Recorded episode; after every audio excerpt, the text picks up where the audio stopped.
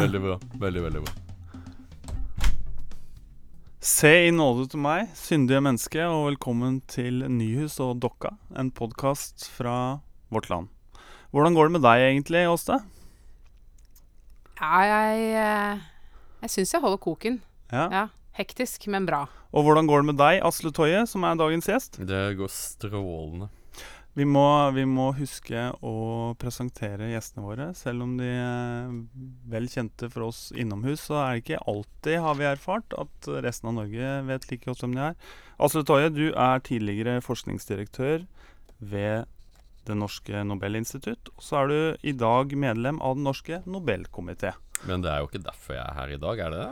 Eh, Du er her fordi du skrev en statusoppdatering på Facebook i sommer som jeg bet meg merke i, og som eh, kort oppsummert handler om kjedsomhetens problem. Eh, I teologi, teologiske kretser er det mye snakk om lidelsens problem og ondskapens problem. Eh, men du pekte vel på det som kanskje er teologiens forsømmelse. Den har i hvert fall det er din påstand. Den har ikke virkelig visst hvordan den skal håndtere kjedsomhetens problem. Jeg tenkte jeg skulle sitere det du skrev. For mens våre store religioner har mangt å si til den som lider, har det lite å si til de som kjeder seg. Før var livet en endeløs streben for å holde seg i live. Nå har vi flere, mange flere timer til å gjøre hva vi vil. Dette gjør meningsløshet til det store sjelelige spørsmål. Et spørsmål verdensreligionene har få svar på. Det er altså ikke ondskapen som er eh, kristendommens problem, det er kjedsomheten.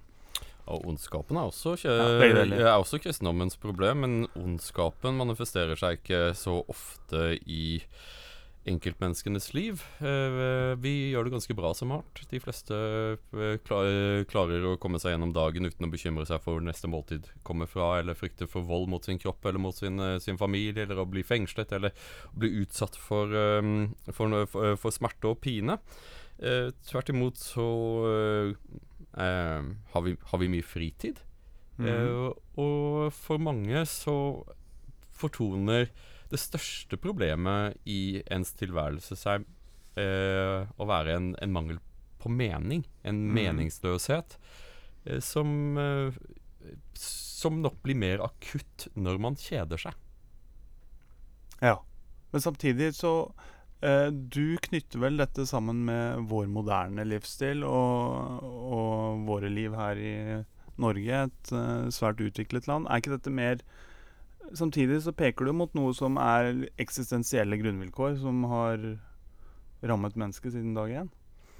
Eh, nei, kjedsomhet er nok et uh, mer moderne fenomen. Uh, Ja, Lars Fredrik okay. Svendsen har skrevet Han er filosof, har skrevet en bok om kjedsomhet, og han tidfester uh, oppfinnelsen av kjedsomhet til året 1760.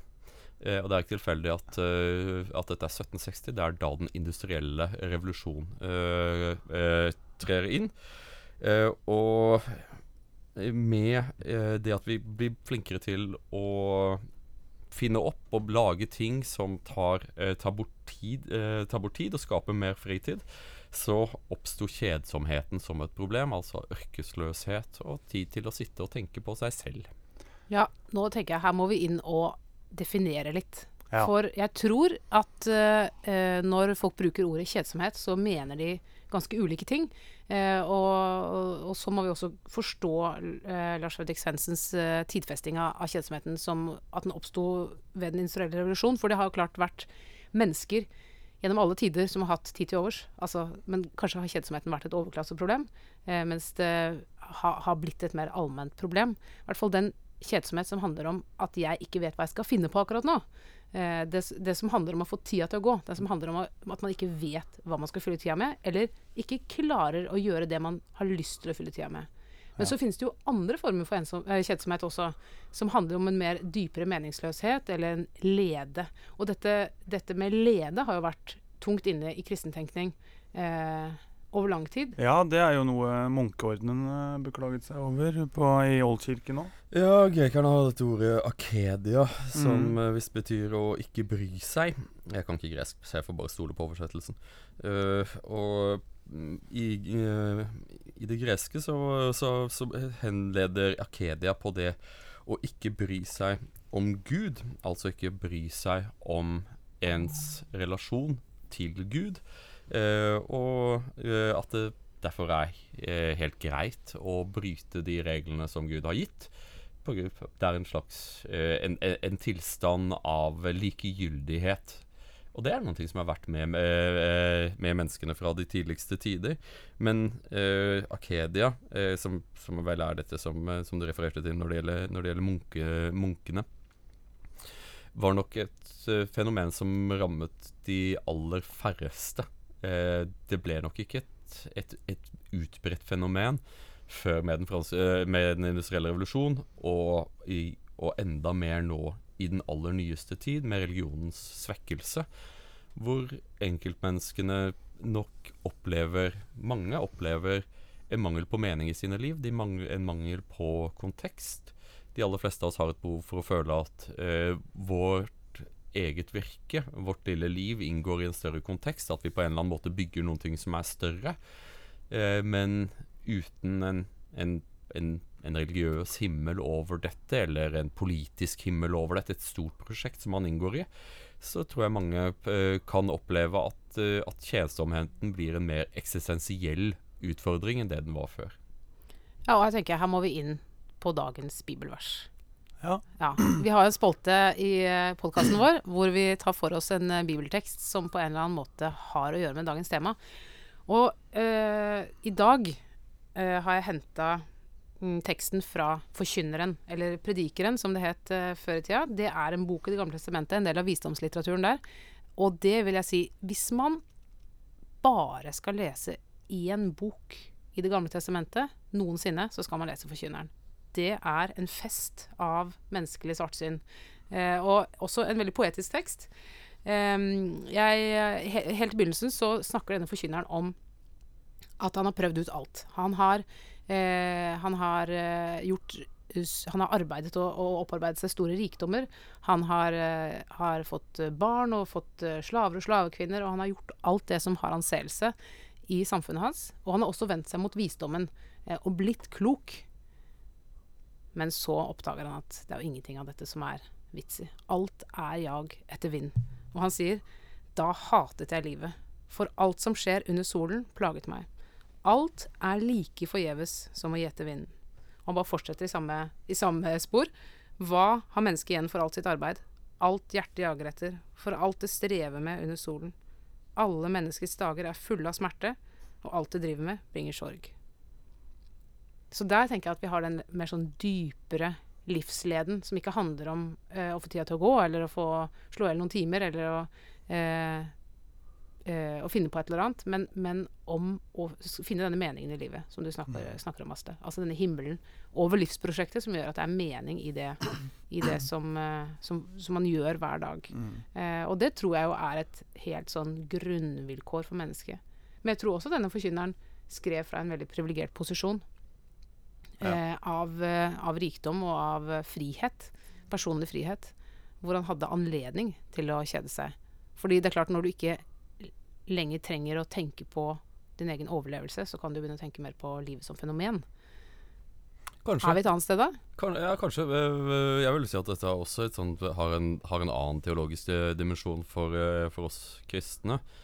Eh, Dette at eh, kristendommen i sin tidligste eh, inkarnasjon var en opposisjonell religion. Eh, og opposisjonen og, eh, og, eh, lå, lå i, i DNA-et til kirken. Alle som har vært sør i Europa, vil se de gamle romaneske kirkene. De er bygd som festninger med små vinduer. Dette er en beleiret religion som, eh, hvor, hvor de troende til enhver tid må være rede til å søke tilflukt i sitt gudsrom og, og forsvare, seg, forsvare sine liv. Eh, denne kirken var veldig opptatt av, og de gamle romere var, eh, eh, eh, som ikke var kristne, var ekstremt skeptiske til de kristne pga. fokuset på eh, etterlivet. Eh, og eh, denne, denne tanken om at kristne skulle leve sine liv gjennom denne, denne, denne jammerdalen. Og så, etter at livet her på jorden var over, så kom det, det virkelige livet. Og at det gjorde eh, at, at fokuset hele tiden var, var rettet mot evigheten. Eh, det har vi gått bort ifra i moderne teologi. Eh, man har blitt mer opptatt av å være jorden tro, som Nietzsche, eh, Nietzsche sa det. Vi har fjernet oss fra tanken om skjærsilden, altså et sted hvor man skal, hvor man skal lide smerte for, for de synder man har utført på jorden. Og man har også gått langt bort ifra denne tanken, iallfall fall noen grad, om at hva vi gjør i dette livet, eh, vi kaster et ekko i det neste livet. Altså om det finnes en plass i himmelen for den som er slem eller syndig, eller, eh, eller den type ting. Eh, det ble ganske enkelt for vanskelig å holde regnskap, eh, og, og avlatshandel og den type ting diskrediterte den type, den type tenking. Så moderne teologi har vært mer opptatt av hva som skjer her og nå, i alle fall den norske, norske kirken, og har på sett og vis da fjernet eh, fokuset eh, fra, eh, fra, fra etterlivet, og det har, tror jeg har bidratt, ikke intendert, eh, men det har bidratt til å gjøre kjedsomhet mer akutt, til et større problem. For hvis jeg kjeder meg nå, hva, hva mer er det? Hva mer er det enn dette her og nå?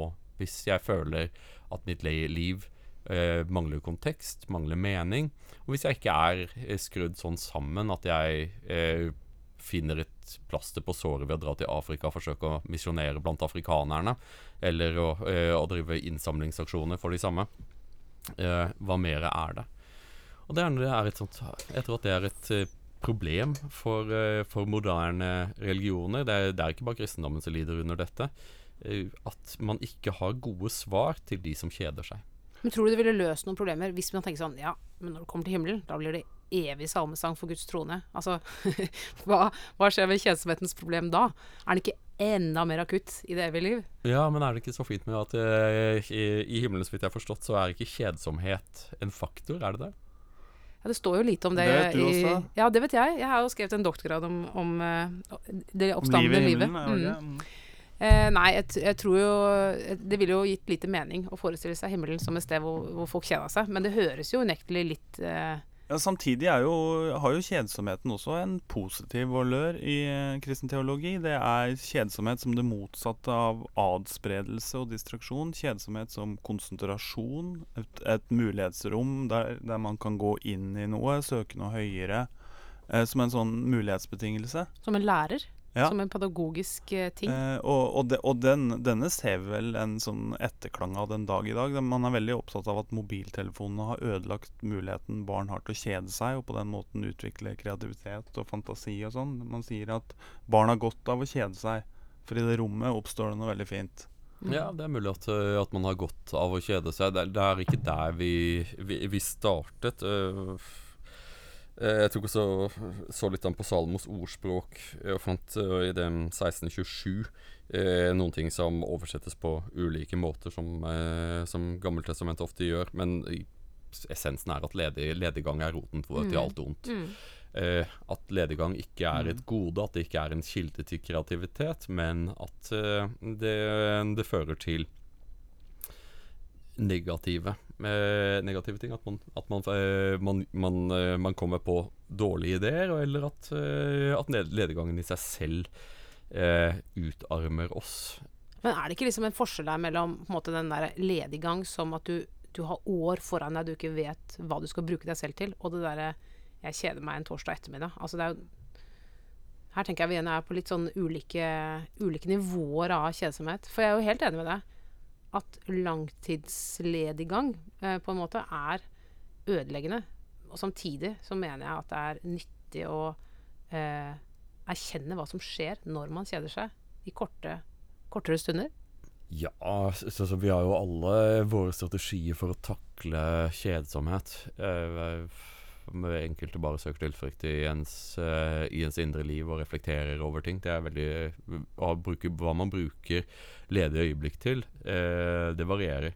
Men når kjedsomhet eh, inntreffer sp Spørsmålet slik jeg ser det, er om hvorvidt dette oppleves som et problem, og om det er en slags Som Lars Fredrik Svendsen snakker om, en, en eksistensiell erfaring, en følelse av kjedsomhet. At det trigger en følelse av meningsløshet Mm. i, i individet. Og det mener jeg er eh, et utbredt fenomen i Vesten i dag. Og det er, tror jeg, og jeg har skrevet om også, er en, en eh, konsekvens av den, den rådende ideologi i dag. Vi har gått fra eh, et, et sosialdemokratisk prosjekt i Norge over i et slags liberalt prosjekt. Og liberalismen eh, har, er ekstremt god på å levere varene her og nå, i fysisk forstand. De er utrolig god på å levere Og adspredelsene. og, ja, og adspredelsene, Ja. men har ingenting å si om hvor vi kommer fra, eller hvor vi er på vei. Det får det være opp til hver og enkelt å finne ut på, på egen hånd.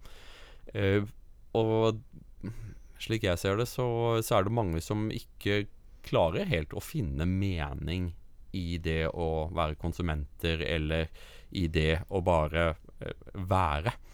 Og der kommer da kjedsomhetens Mm. problem inn. Mm. Og det burde jo på en måte da være en slags pedagogikk i det. Hvis man ikke finner mening i å være konsument eller eh, å bli atspredt, så burde jo det også føre til en erkjennelse av at eh, da trenger jeg noe mer, da. Ja.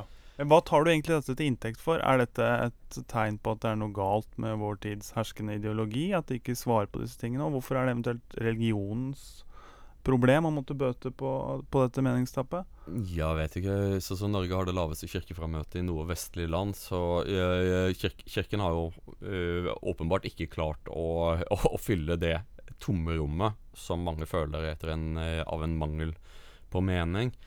I andre religioner eh, så ser man at man har klart å forbli et rammeverk for individets liv, eh, og som, som gir mening men som nok også er litt mer førende i forhold til kravene som det forventes fra en, en som tilhører denne religionen. Eh, for, eh, for Den norske kirken så, eh, så har man gått bort ifra veldig mange av de religiøse forventningene pga. at det oppleves som, som brysomme eh, og for Ja, eller fordi man er en luthersk kirke, rett og slett. Ja, eh, ja, du mener at, eh, at Altså, en, en luthersk kirke er en kirke der man ikke trenger å gå i kirken, man trenger ikke å Nei, men jeg mener at fasteplikten osv. Fasteplikten osv. den forsvant jo idet Norge ble et uh, luthersk land. Altså, det, alle de, som, de, de pliktene som faktisk fantes, de, Mm. de forsvant jo ut fra en, Det er en teologisk vending også, ikke bare en sånn tilpasningsting. Men at det er ikke gjerningene som er avgjørende for gudsrelasjonen. Gjerningen er avgjørende for menneskerelasjonen, men ikke for gudsrelasjonen. Men da må vi tilbake til eh, det du sa om, om nivåer. Saken er jo det om at om, eh, om f.eks. fasteplikten er noen ting som skal gjennomføres som et, som et samfunnskrav. Det, det tror jeg at eh, mange vil være enig med Martin, Martin Luther om at dette er jo en eh, uklokt rent teologisk, men hvorvidt dette er tjenlig samfunnsmessig, det for å gi menneskene en kontekst og en ramme for sitt liv. Eh, der er nok jeg eh, Tror jeg at eh, kanskje Den norske kirken har gått for langt bort ifra det institusjonaliserte forventningene.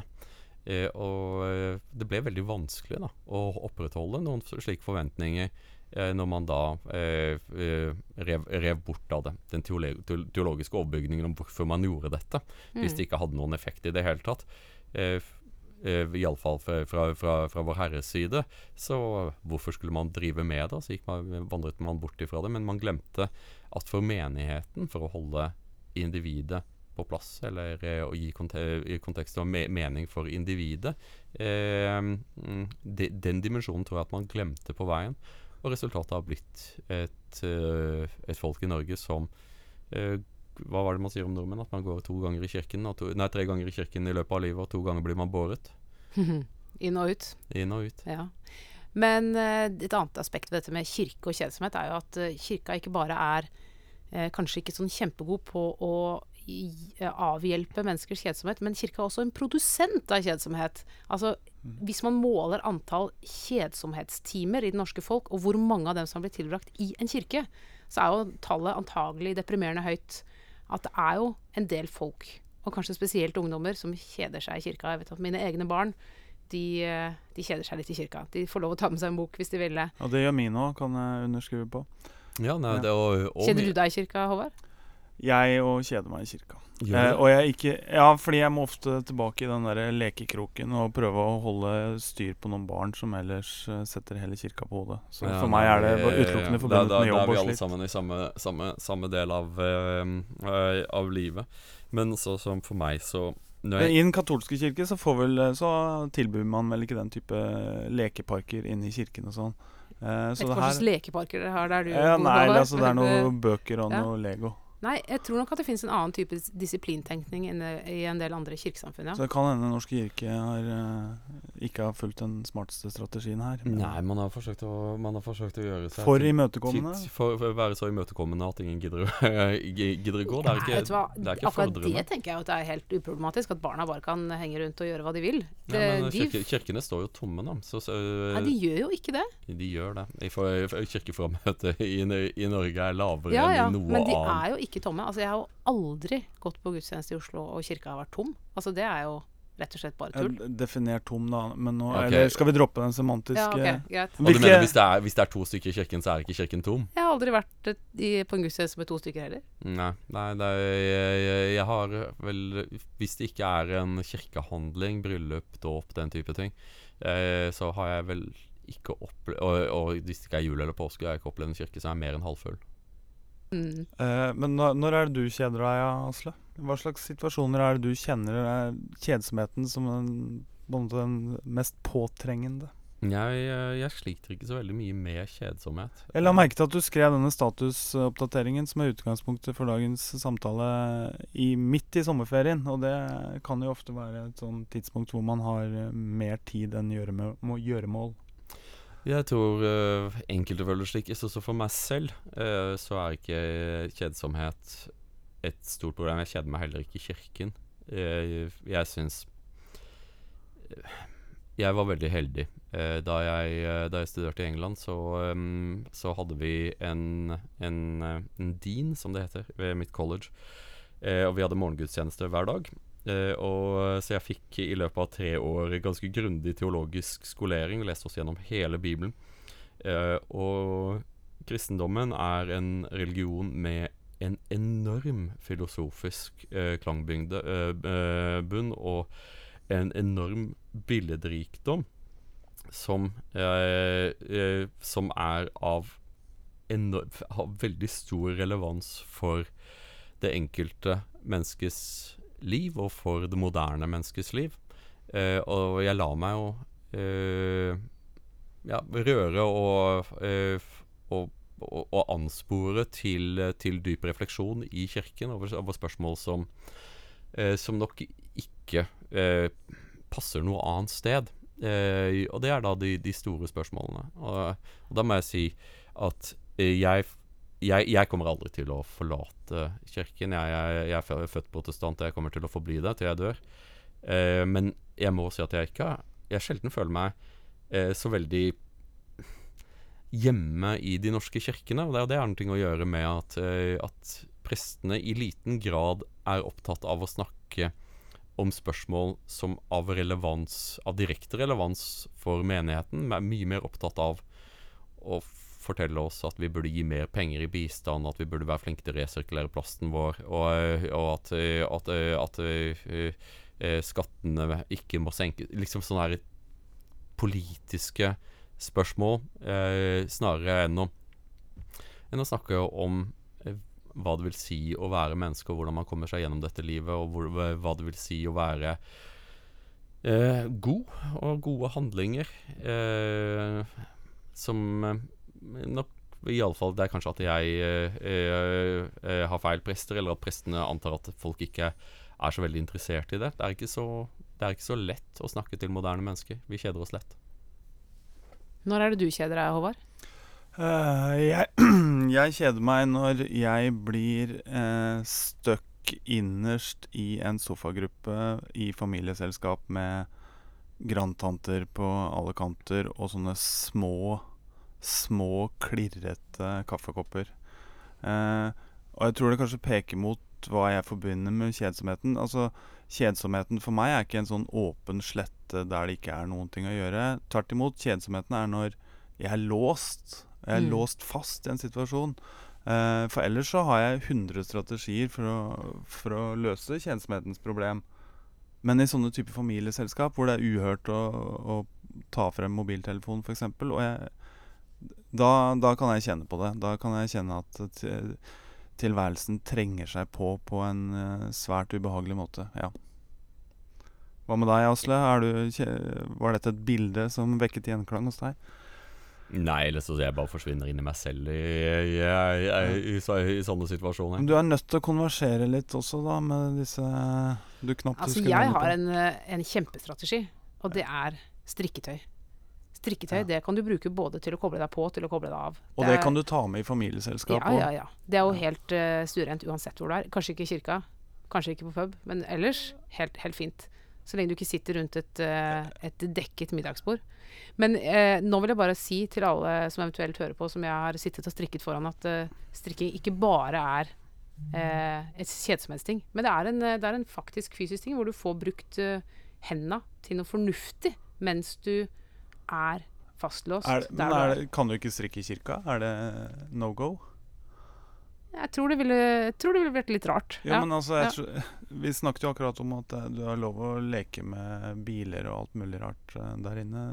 Jeg utfordrer deg, Håvard. Bare, bare strikk i kirka neste gang.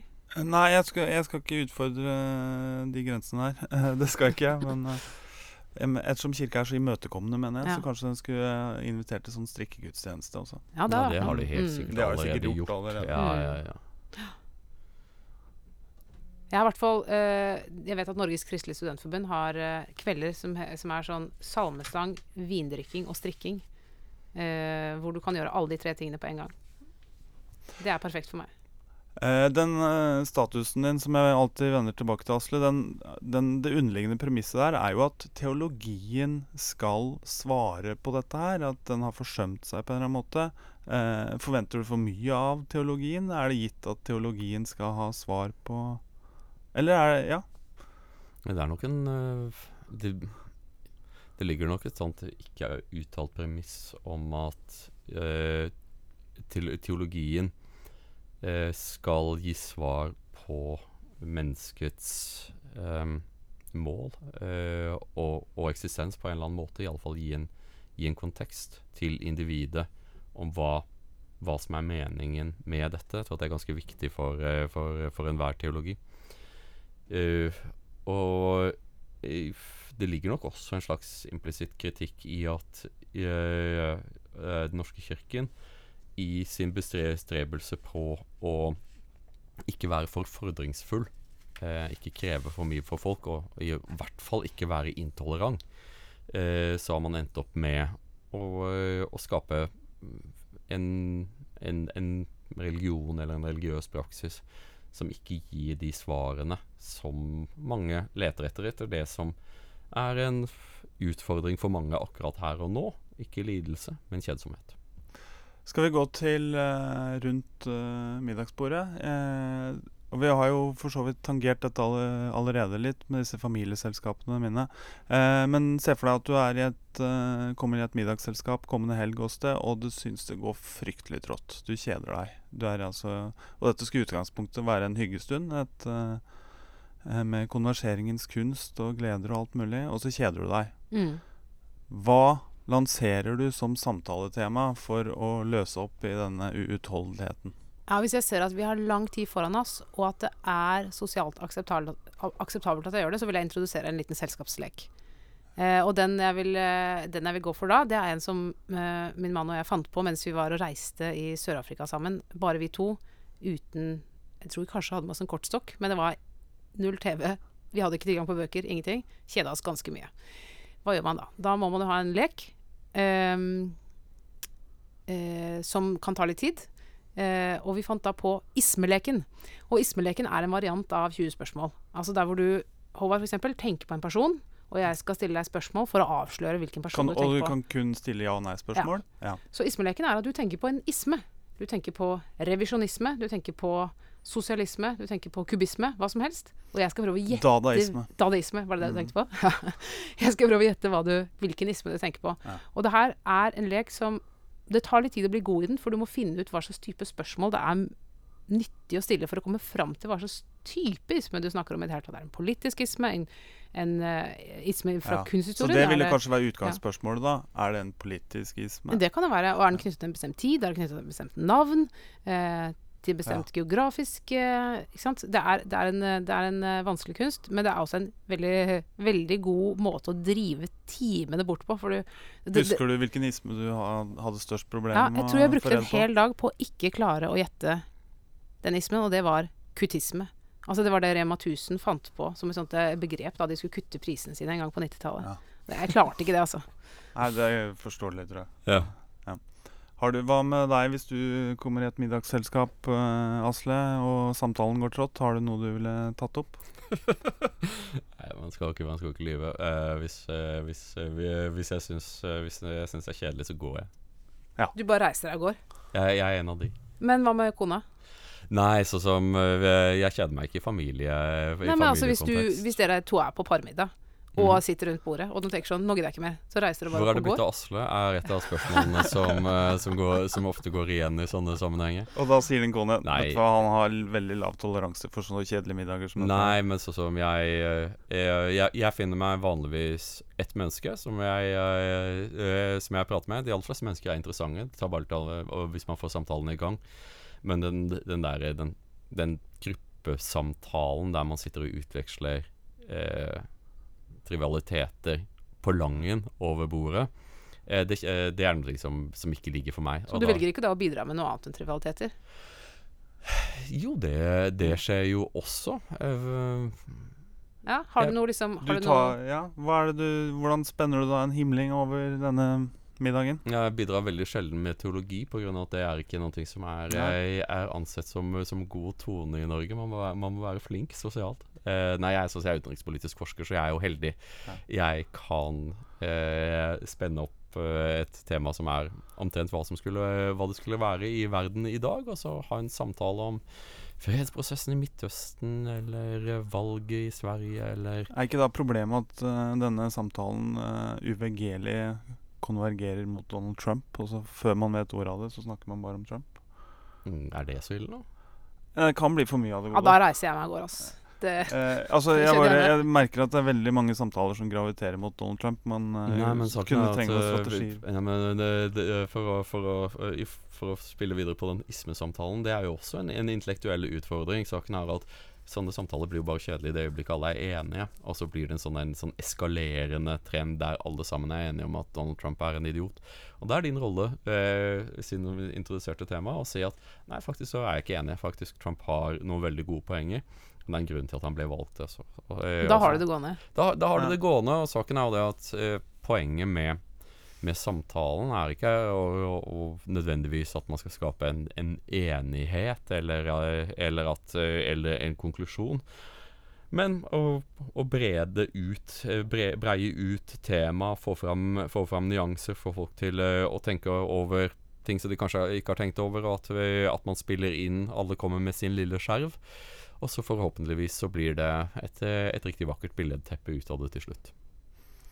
Håvard? Hva med den dansingen til Teresa May, f.eks.? Er det under din uh, verdighet å, å begynne å samtale om den? Det er jo noe som engasjerer, mener jeg. Mm, Ja, det er noe som engasjerer, men det er jo eh, Da jeg, da jeg startet med, med utenrikspolitikk, så, så jobbet jeg for um, en, en mann som senere ble statssekretær. Uh, han eh, Han hadde fantastisk rytmesans. Han hadde ikke rytmesans, men han sa liksom at det var, det var én regel uh, i politikken. Aldri la noen ta bilde av deg i en dum hatt. Uh, og det er, mente han var den eneste regelen som man alltid skal huske. Det gjelder alle politikere til alle tider. Aldri la noen ta bilde av deg i en dum hatt, for det bildet kommer til å være ditt profilbilde i alle saker ever etter det.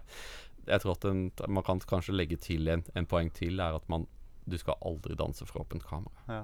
Og ikke la deg avbilde i noen sånn tradisjonsklær heller. Jeg husker Obama var på besøk i Kenya på tidlig 90-tallet eller noe og prøvde noen klær som ble Og det ble brukt for alt det var verdt senere av hans politiske motstandere.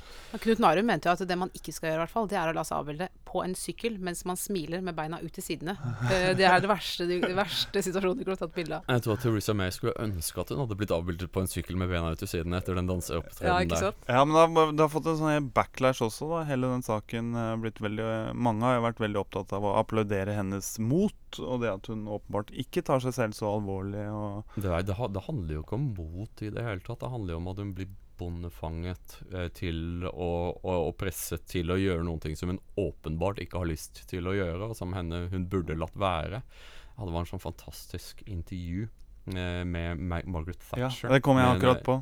Med svenske, en svensk programleder som ville ha Margaret, Margaret Thatcher til å stå på bordet, var det det? Nei, hun ville bare at hun skulle hoppe. Hoppe, ja. Ja. For, uh, og at det var liksom deres signaturgreie. Ja. Selvfølgelig så var det journalisten som ønsket å latterliggjøre politikere. Og Margaret, Margaret Thatcher uh, så bare kaldt på henne og sa at det kommer jeg jo ikke til å gjøre. Hvorfor i all verden skulle jeg gjøre det? Og så blir det litt en sånn pinlig øyeblikk, da forventninger møtes med et kaldt, hardt avslag. Eh, og sekvensen har blitt en av Margaret, Mag eh, Maggie Thatchers store YouTube-suksesser. Det er noe som konservative over hele verden elsker å se Maggie Thatcher Ja, er, møte men, en sånn her venstrevridd Men journalist dette er jo. Forskjellen på folk som, eh, som tar, altså gir etter for det sosiale spillet, og Mm. folk som mener at there is no society. Ikke sant? Da, da kan du jo ta den avstanden så mye du bare vil. ja, men jeg jo vil berømme Margaret Thatcher i akkurat dette tilfellet, selv om jeg ikke er noen uh, Thatcher-fan. Men, uh, men det å stå opp imot Thatcher-fan, altså? Jeg har et veldig nyansert uh, syn på henne. Uh, men det å stå opp mot disse, disse mediesjablongene og dette tøyset og sånn, det, det har jeg utelukkende applaus til overs for. Og vi ser jo det at det har blitt mindre av det i Norge. Hvis vi spoler tilbake til Bondevik-regjeringene, så hadde de sånn her eh, at de skulle ha kaste stress, stresskofferter, og, og liksom Ja. det ble veldig mye by på seg selv. eh, Mhm. Litt for mye. Eh, og du ser at de fleste politikere i Norge har blitt ganske forsiktige Ja, med bortsett fra Ja. ordførersjiktet. De pleier å spille inn videoer hvor de danser og synger og Ja. De har litt uh, Ja, men det er toppolitikerne, og, og, jeg sy- ja, og særlig den, den store klassefesten, den gjorde jo så ubotelig skade i så henseende, og vi kan jo bare takke høyere makter for at det programmet ikke eksisterer lenger. Ja, Du mener at det er Vår Herre som har grepet inn? Ja, det, ja, det er et av de sterkeste gudsbevisene. Det at den store klassefesten Jeg gleder meg til du drar den i, på verdidebatt, eh, Håvard. Men du, hva er Ja, ditt, jeg eh, hva- pleier- har du noe, noe kjedsomhetsbrudd? Eh, nei, i grunnen ikke. Jeg tenkte bare å gjøre det enda kjedeligere. Ja. Jeg pleier i hvert fall alltid å avslutte med en spennende en litterær himling over dette her. Men før, før, før, Ja, du, før du spiller Før du tar og spenner den litterære himlingen, så skal jeg si noe som som kanskje ikke er så veldig eh, eh, populært, men det er veldig, det er veldig innlysende eh, for kristne at eh, en fantastisk kur mot kjedsomhet er bønn. Eh, det å eh, når, når man kjeder seg og vende, eh, og vende hjertet sitt til Gud. Og, og, og legge fram det som plager en. Det som med eh, sin egen utilstrekkelighet, alle de feilene vi begår, og åpne denne, denne dialogen med, eh, med Vår Herre, er noe som ikke er kjedelig, og som er intenst meningsfullt. Og selvfølgelig for de som er teologisk skolerte, så er det helt sånn Ja, selvfølgelig. Eh, men jeg tror at for, eh, for mange eh, så er kjedsomhet en, en slags sånn, sånn skjærsild der man eh, på den ene siden føler meningsløshet, eh, på den andre siden føler eh, ikke, ikke, ikke føler at man ønsker å gripe tak i, i meningsløsheten i ens eget liv. Iallfall ikke være ærlig om den. Eh, og det er helt utrolig hvordan, eh, hvordan bønn kan forsone oss eh, med de vi er. Altså søke tilgivelse for, eh, for de vi er også. Eh, og hvordan dette eh, En så enkel ting kan fordrive kjedelighet og skape mening. Eh, det, er, det, er mitt, det er mitt råd mot kjedsomhet. Og det er veldig bra, for hvis du i et middagsselskap blir veldig stille, eller går Mhm. ut av rommet, og noen spør sånn hva er det du driver med, Asle? Hvor ble jeg av Asle? Kan du bare si 'jeg ber'. Og da, har liksom, da er det ingen som kan si noe som helst. Ja, akkurat, og da, så, så, kan, så kan alle tro at å gud bedre, Asle har blitt sånn kristenfundamentalist. Men det viser vel at, eh, at kristendommen har noen strategier og noen grep for å takle kjedsomheten eh, som ikke trenger å utvikles på ny. Det, vi har det i verktøykassa allerede. Jeg tror at øh, Jeg tror at kristendommen ikke er en temporær religion. Altså at den er avhengig av en kontekst av, av tvang og nød og lidelse eh, og undertrykkelse for å gi mening for, eh, for individet. Men jeg tror at det er de som, eh, de som eh, teologene, prestene, bør være sin eh, besøkelsestid bevisst. Eh, og kanskje vende tilbake til noe av de aller mest grunnleggende mekanismene som, som, kristendommen har, og som vi protestanter har eh, Royal Straight Flush på. Dette er noe som protestantene fokuserer veldig, veldig på. Eh, det er en, en, løsning som er eh, Eller kanskje løsning, iallfall en strategi som er intenst meningsfull, og som jeg tror gjør oss til, til bedre mennesker. det å reflektere over oss selv men i en dialog med Vår Herre, tror jeg er en løsning på eh, ikke bare kjedsomhet, men også på en følelse av mangel av kontekst, eh, som jeg tror være, kan være nyttig for mange mennesker som føler at, at, at, at li, ens liv er at man står i en storm av, av impulser, som, og sumtotalen blir meningsløshet for en selv ja, det var dagens lille andaktsord, nesten, det. Uh, jeg, jeg, tenkte Jeg er glad det kom fra noen andre enn meg. for en ja, skyld. Det var ja. kjempebra at det ikke kom fra deg for en gangs skyld. Også. Uh, jeg tenkte jeg skulle avslutte med litt prost uh, og en scene en av, Altså ikke prost som i, i den presten som, som, er sjef for de andre prestene? Nei, nå snakker jeg om en franskmann. Prost med U. Proust, ja. Proust. Riktig. Prost er prost, som det heter i den norske filmen 'Oslo 31. august'. Der også en eh, prostreferanse faller eh, pladask til jorden.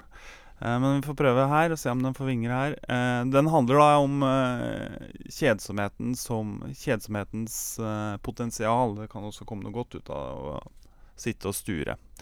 det er altså om Marcel som dypper en madeleinekake i sin tekopp. Da begynner jeg. Nedtrykt av den mørke dag og utsikten til en like trist morgendag, førte jeg snart, mekanisk mot munnen, en skjefull te, hvori jeg hadde latt en bit av madeleinekaken løse seg opp. Men i det samme øyeblikk som denne te blandet med kake rørte min gane, for jeg sammen, slått av det usedvanlige som plutselig fant sted. En vidunderlig glede som ikke visste om sin egen årsak på samme måte som kjærligheten bevirkes den at Jeg må rette meg selv. På samme måte som kjærligheten bevitnet den at alle livets omskiftelser ble meg likegyldige, dets ulykker harmløse, dets flyktighet illusorisk. Den fylte meg med en kostbar essens, eller snarere, denne essens var ikke i meg, den var meg. Sånn var det. Ja. Da har vi svaret på kjensomhetens problem. Det er bønn, arbeid og prost. Ja, og ja, eventuelt da te og, te og kake. Eller som, eh, eller som ja, det broderiet på veggen jeg, som uh, jeg har på kontoret mitt, så jeg sier hold, fli, hold flid og fred, arbeid og bed.